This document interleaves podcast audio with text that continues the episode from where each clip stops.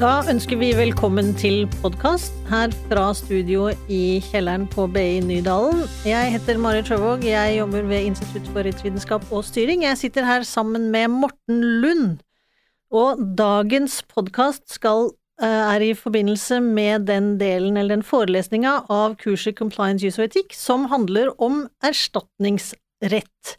Morten, dagens første spørsmål. Hvorfor skal man ha erstatningsrett på dette kurset her? Fordi det er nær sammenheng mellom erstatningsretten og forsikringsbransjen og forsikringsretten. Dette gjelder på flere områder. Det gjelder selvsagt først og fremst for ansvarsforsikringer, der det er spørsmål om en ansvarsforsikringspolise dekker en situasjon der sikrede blir erstatningsansvarlig for en uaktsom handling eller annen type situasjon. Og det man da først må se på som, som forsikringsgiver, er jo om sikkerhet i det hele tatt er erstatningspliktig for den skaden som er forvoldt. For å ta stilling til dette, så må man kunne erstatningsrett. Og neste stadium blir om dersom man kommer til at jo, her er det erstatningsplikt for vår forsikringskunde, så må man undersøke om den polisen kunden har tegnet, dekker den ansvarssituasjonen som har oppstått. Det kan være visse unntak ø, i polisen, og det kan være begrensninger i utbetalingene. Men det er ikke bare innenfor ansvarsforsikringer at det er store likhetspunkter og viktig å kunne begge deler. Det gjelder også f.eks. For, for utmåling av kravene under tingskadeforsikring og liv- og pensjonsforsikring. Eh, de prinsippene som gjelder her, er langt på vei basert på de tradisjonelle prinsipper som gradvis har blitt utviklet i erstatningsretten. Og Det er også en del andre likhetspunkter, så det er en nær sammenheng. og det er mye lettere å forstå erstatningsrett når man kan forsikringsrett, og det er lettere å forstå forsikringsrett når man kan erstatningsrett. Er dette en slags catch 22-situasjon? Det kan man si at uh, det, er det viser sammenhengen. For hvis man skal forstå erstatningsrett som et egen disiplin godt, så må man også kunne forsikringsrett, for det er veldig mange erstatningsrettssituasjoner som enten er dekket under skadelidtes egne forsikringer, typisk personskadeforsikringer, eller for skadevoldes forsikringer, typisk ansvarsforsikringer. Det store bildet, da må man kunne begge deler. Nettopp.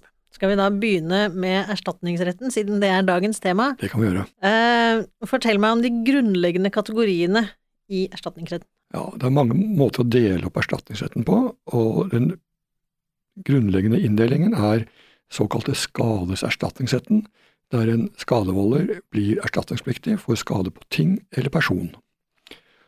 Eh, den andre kategorien er erstatningsansvar for kontraktsbrudd, dvs. Si erstatningsansvar i kontraktsforhold. Man har da f.eks. misligholdt en kontraktsforpliktelse.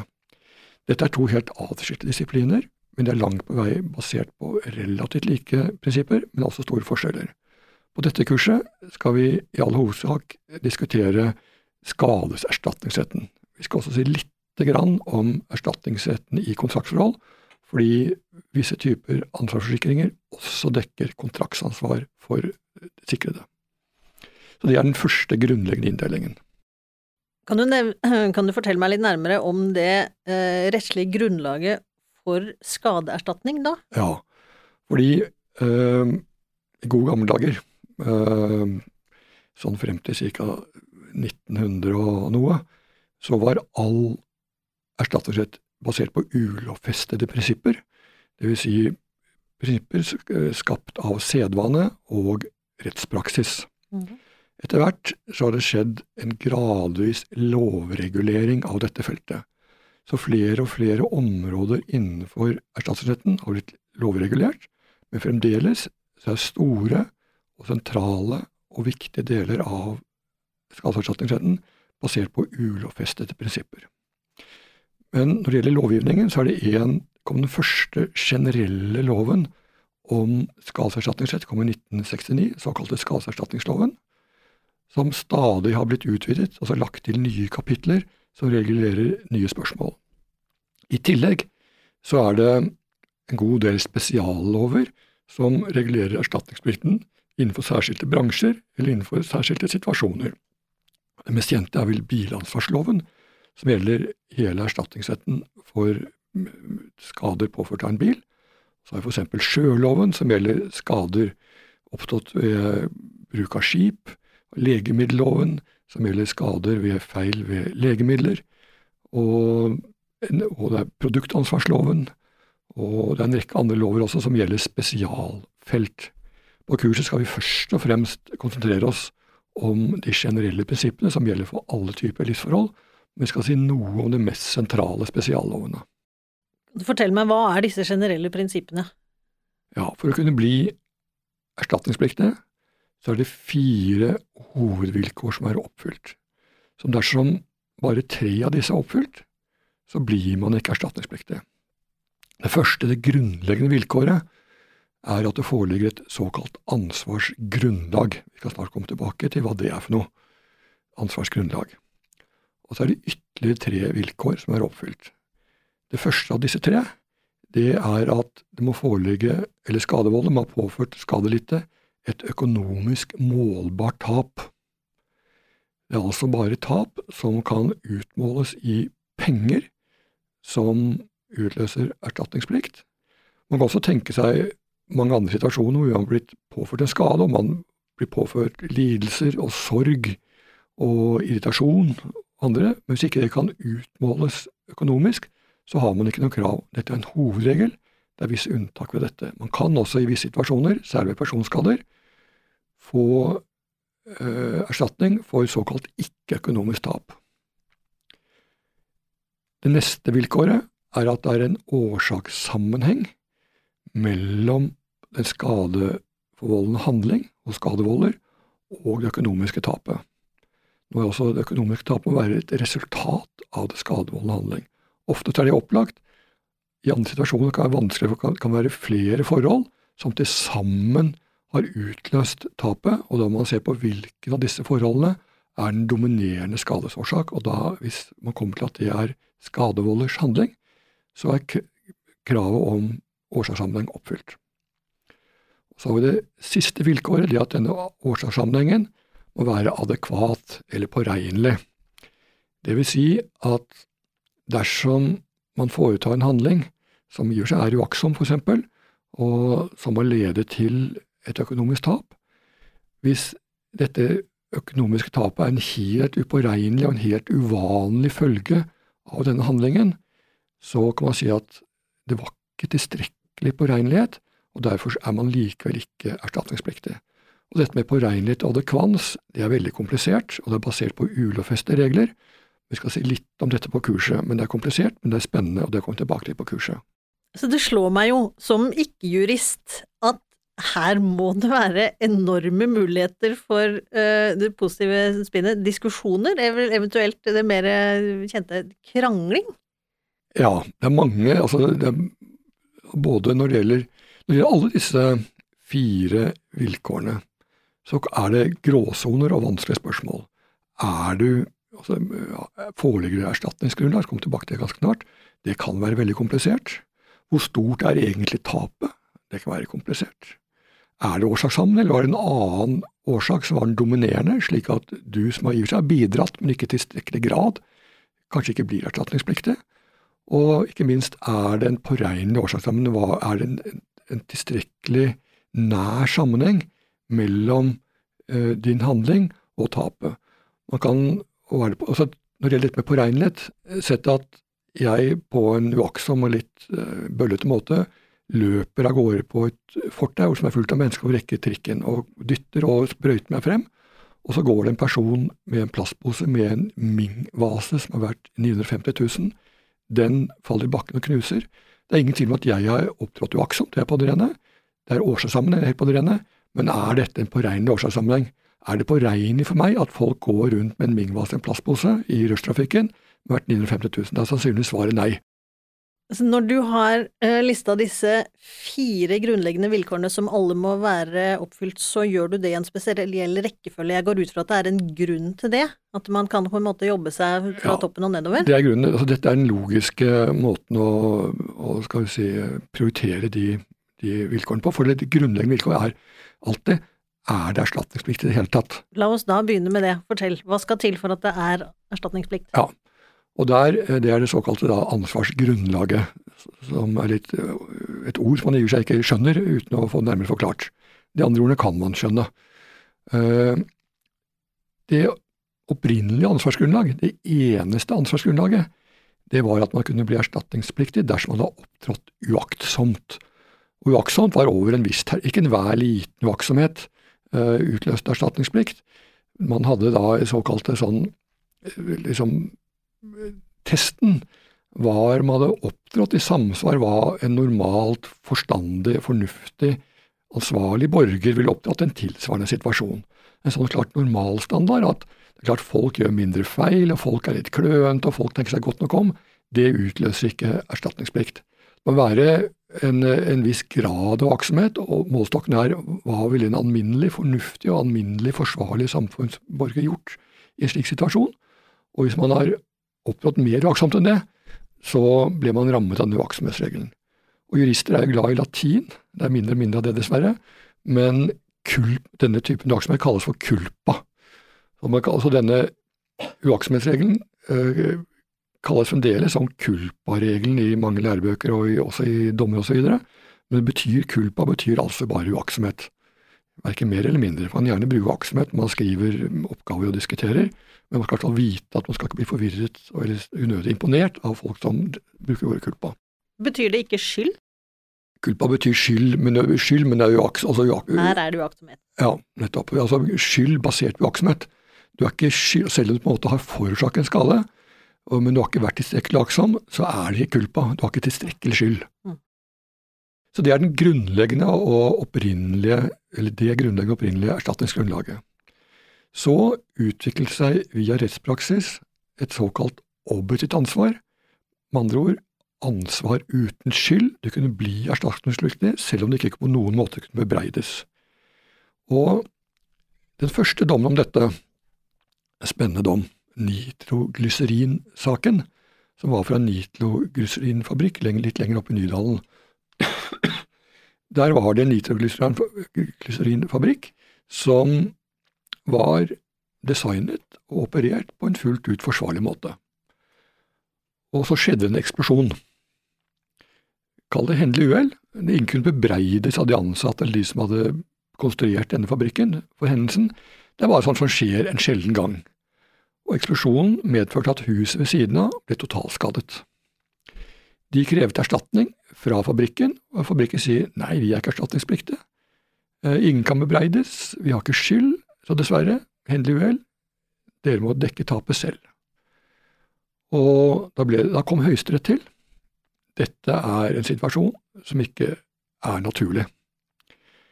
Og da ut av en veldig velskrevet om, hvor det kom til at hvis man drev en farlig virksomhet, og det er et viktig stikkord, farlig bedrift, så må man se på hvem er nærmest til å bære risikoen for de skadesituasjoner som nødvendigvis må oppstå av og til, ikke hos enhver bedrift, men hos alle farlige bedrifter. Og da kom det til at jo, den som er nærmest til å bære disse såkalt hendelige uhellene, som nødvendigvis må inntre av og til hos noen bedrifter, de er bedriftseierne. Mm. Og for det første så har de en mulighet for å tegne ansvarsforsikring, så de på en måte kan pulverisere tapet. Og for det andre har vi sånn såkalte prevensjonshensynet. Dersom de vet at de vil kunne bli ansvarlig selv i situasjoner de i og for seg ikke har vært vaksomme, så vil de kanskje gjøre, sette enda større ressurser inn for å forhindre at det skjer ulykker. Og så har vi rettferdighetshensynet som sier at vel, de som er helt uskyldige, altså naboene er i hvert fall uskyldige, hvor skal de bli sittende med det tapet? Mm. Og da oppstilte av denne, denne dommen fikk altså en gjennomslagskraft med en gang. Og stikkord er objektivt ansvar for farlige bedrifter. Det kom flere dommer etter dette som stadfestet og kanskje presiserte dette grunnleggende prinsippet.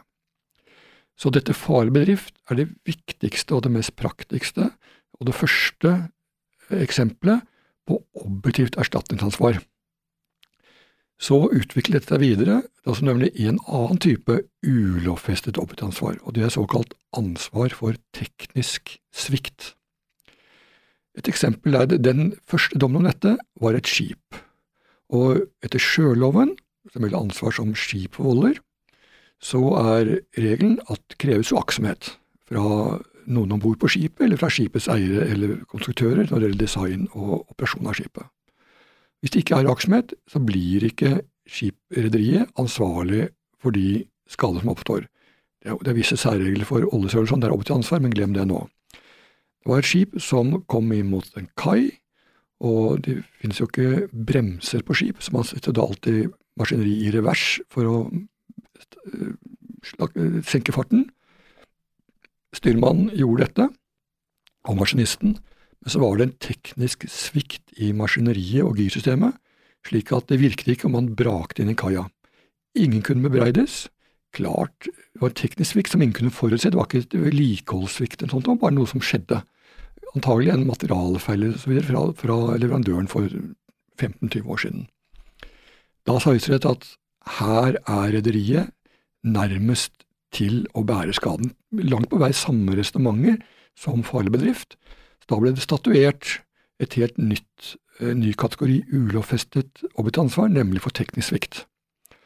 Og det er også Dette det første. Den neste dommen om dette, i hvert fall litt sen dom, var takesimsdommen var en gesims på et tak som var løsnet. Det var en feil. Kunne bebreides. Var ikke vedlikeholdssvikt. Det var ikke noe aktsomhet på noe plan. Men det var det at den løsnet, antagelig pga. en iboende feil, konstruksjonsfeil eller lignende, datt ned i hodet på en person som ble alvorlig skadet. Da ser det ut at dette også er teknisk svikt. Dette er en teknisk svikt, dette også.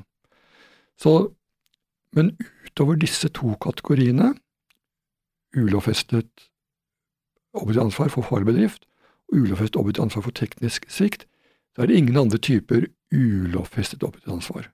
Men det har blitt stadig nye eksempler i lovgivningen på at man innfører objektivt ansvar for visse typer virksomheter der det er naturlig, og hvor de samme hensynene som var oppe i denne Nitrusdommen, tilsier at naturlig at de som driver virksomhet, har objektivt ansvar. For eksempel så er det objektivt ansvar for visse typer skader for skip. Det er først og fremst oljesøl og andre typer forurensningsskader. Der er det objektivt ansvar. Men det fremdeles er krav om uaktsomhet på andre typer erstatningssituasjoner for skip. Så har det objektivt ansvar for legemidler, objektivt ansvar for atomkraftverk og lignende, det er ikke så mye av det i Norge. Og det er det ansvar for andre typer, eh, for visse typer transporter. Eh, og det er såkalt, også såkalt objektivt produktansvar. Men alle disse er de regulert i egne særlover? Særskilte lover. Så hvis det, ikke, altså hvis det opptrer en ansvarssituasjon hvor man synes det er kjempeurimelig at skadelidte ikke får krav, så man undersøker om er det faller innenfor de to typer ulovfestet, eller faller innenfor en særlov, gjør det ikke det, så har du ikke noe krav mot skadevolder, med mindre skadevolder opptrer uaktsomt. Det mest kanskje praktiske og kjente eksempelet på lovfestet objektansvar, det er bilansvarsloven. Eh, det er mange biler i samfunnet, og der er det for det første så er det et objektivt ansvar. Vil si at utgangspunktet, altså bilen er erstatningspliktig selv om føreren ikke kan breides dersom det er årsakssammenheng og et økonomisk tap. Og det er også et annet spesielt forhold ved denne loven, nemlig at forsikringsselskapet Du har en tvungen ansvarsforsikring, og forsikringsselskapet er alltid direkte ansvarlig. Så hvis du blir påkjørt i trafikken, øh, så kan du ikke saksøke føreren, bare forsikringsselskapet. Det er forsikringsselskapet som er din motpart. Med mindre det er veldig grov aksjon du har, kan ha visse tilleggskrav. Så der er, der har man liksom overført erstatningsretten direkte til forsikringsretten, kombinert med at ansvaret er overtatt for forsikringsselskapet. Men det er de samme prinsipper som ellers uh, i erstatningsretten når det gjelder hvordan man skal utmåle tapet uh, for skadelidte. Og det er veldig mange saker innenfor bilansvaret hvor spørsmålet om årsakssammenheng er vanskelig. Typisk er lavhastighet uh, nakkeskader. Kan vi, kan vi, komme tilbake til årsakssammenheng ja, om en stund? Det gjør vi. Fordi vi har nevnt et, en ting som det har stått som nummer to på lista di, som Ja. jeg tror vi trenger å snakke om først, og det er økonomisk tap. Det er riktig, det må vi snakke om først. Ja. Og et økonomisk tap, det er Krav om økonomisk tap er en tøff regel.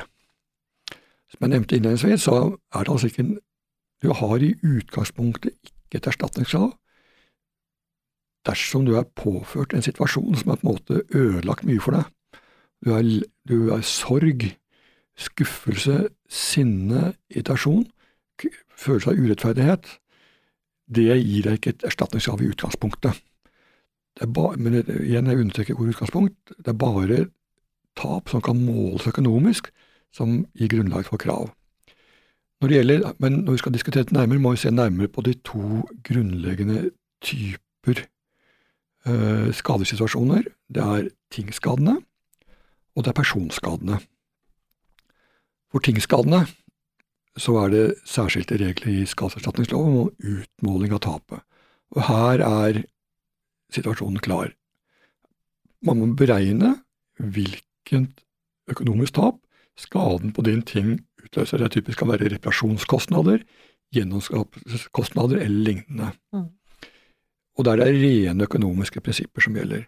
For eksempel hvis du har hatt et maleri hjemme som er verdt 3000 kroner, det er bestemoren din som har malt det, og det har en veldig stor affeksjonsverdi for deg. Det er noe du på en måte har levd med hele livet, og deg, du skulle gjerne betalt 250 000 for det maleriet om nødvendig. Men hvis det maleriet blir ødelagt av en innbruddstyv eller andre, så har du bare krav på 3000 kroner. Affeksjonsverdien er ikke et målbart økonomisk tap. Dette er i og for seg enkelt å forstå og relativt enkelt å akseptere når det gjelder tingskader. Når det gjelder personskader, så er dette mye mer komplisert, både prinsipielt og faktisk. Og Det man kan si der generelt, er at det har skjedd en utvikling hvor man i større og større grad også kan bli kompensert for ikke-økonomisk skade ved personskade. Men utgangspunktet er klart. Uh, vi kan starte med personskader som medfører tapt ervervsevne for deg. Du får en skade som gjør at du ikke kan utføre en rekke typer jobber, kanskje ikke kan jobbe i det hele tatt, resten av livet. Og da er det ut, Når man skal beregne det økonomiske tapet du har påført, kan man se på for første hva vil du få i offentlige ytelser, altså til dels også i private forsikringer, resten av livet. Hvilket årlig beløp får du, og hvilket årlig beløp ville fått i frisk tilstand i lønn. Og der vil det veldig ofte være en differanse, dvs. Si at du får mindre med skaden enn uten skaden. Og da skal denne årlige differansen kompenseres, erstattes, i henhold til erstatningsgjeldene. Og da ser man altså at da må man finne hva er som gjennomsnittstapet per år neste, frem til pensjonsalder i prinsippet. Og så skal man finne nåverdien etter litt kompliserte beregningsmodeller som vi ikke skal snakke om. Da må man se på rentefaktor og alt mulig for å finne den riktige nåverdien, og det er ditt krav erstatningskrav. Og så øh, kan du også ha visse tilleggskostnader, rullestol og bil og hjemmehjelp osv., som også kan få kompensert etter samme nåverdibetraktninger. De er det økonomiske tapet. Men så er spørsmålet kan du ha et tilleggskrav for tap av livsutfoldelsesmuligheter. Du sitter i rullestol, og du kan altså ikke Du var kjempeglad i å gå på ski, hoppe i fallskjerm, gå på tur, kan ikke gjøre noen ting av dette lenger. Du har fått kompensert økonomisk tap, men i hvilken grad har du krav på tort å si, kalle det, litt unøyaktig, men populært ord, i tillegg til. Og der har du et visst krav, men svært begrenset. Men det er visse utvidelser hele veien. Det nå, og er, disse prinsippene er ganske lette å forstå, og kanskje ikke så vanskelig å akseptere for folk som er godt etablert i arbeidslivet. For da er det ikke så veldig vanskelig å forutse hva du ville tjent resten av livet, i frisk tilstand. Hvis du f.eks. er fylt 40 år, så vet du omtrent hvor du står liksom, i yrkeslivet. Iallfall så lenge karrierelengdene er sånn som de har ja, vært for det siste. Og dette, her er det mange ting. Men hva med for eksempel min sønn? Jeg har en sønn som er 19, og som ikke har begynt å jobbe enda. Ja. Hvordan kunne man da måle hans tapte arbeidsinntekt hvis ja. han plutselig blir sittende i rullestol? Det er vanskelig. Jeg kommer tilbake lite tidlig på det vi snakket om først.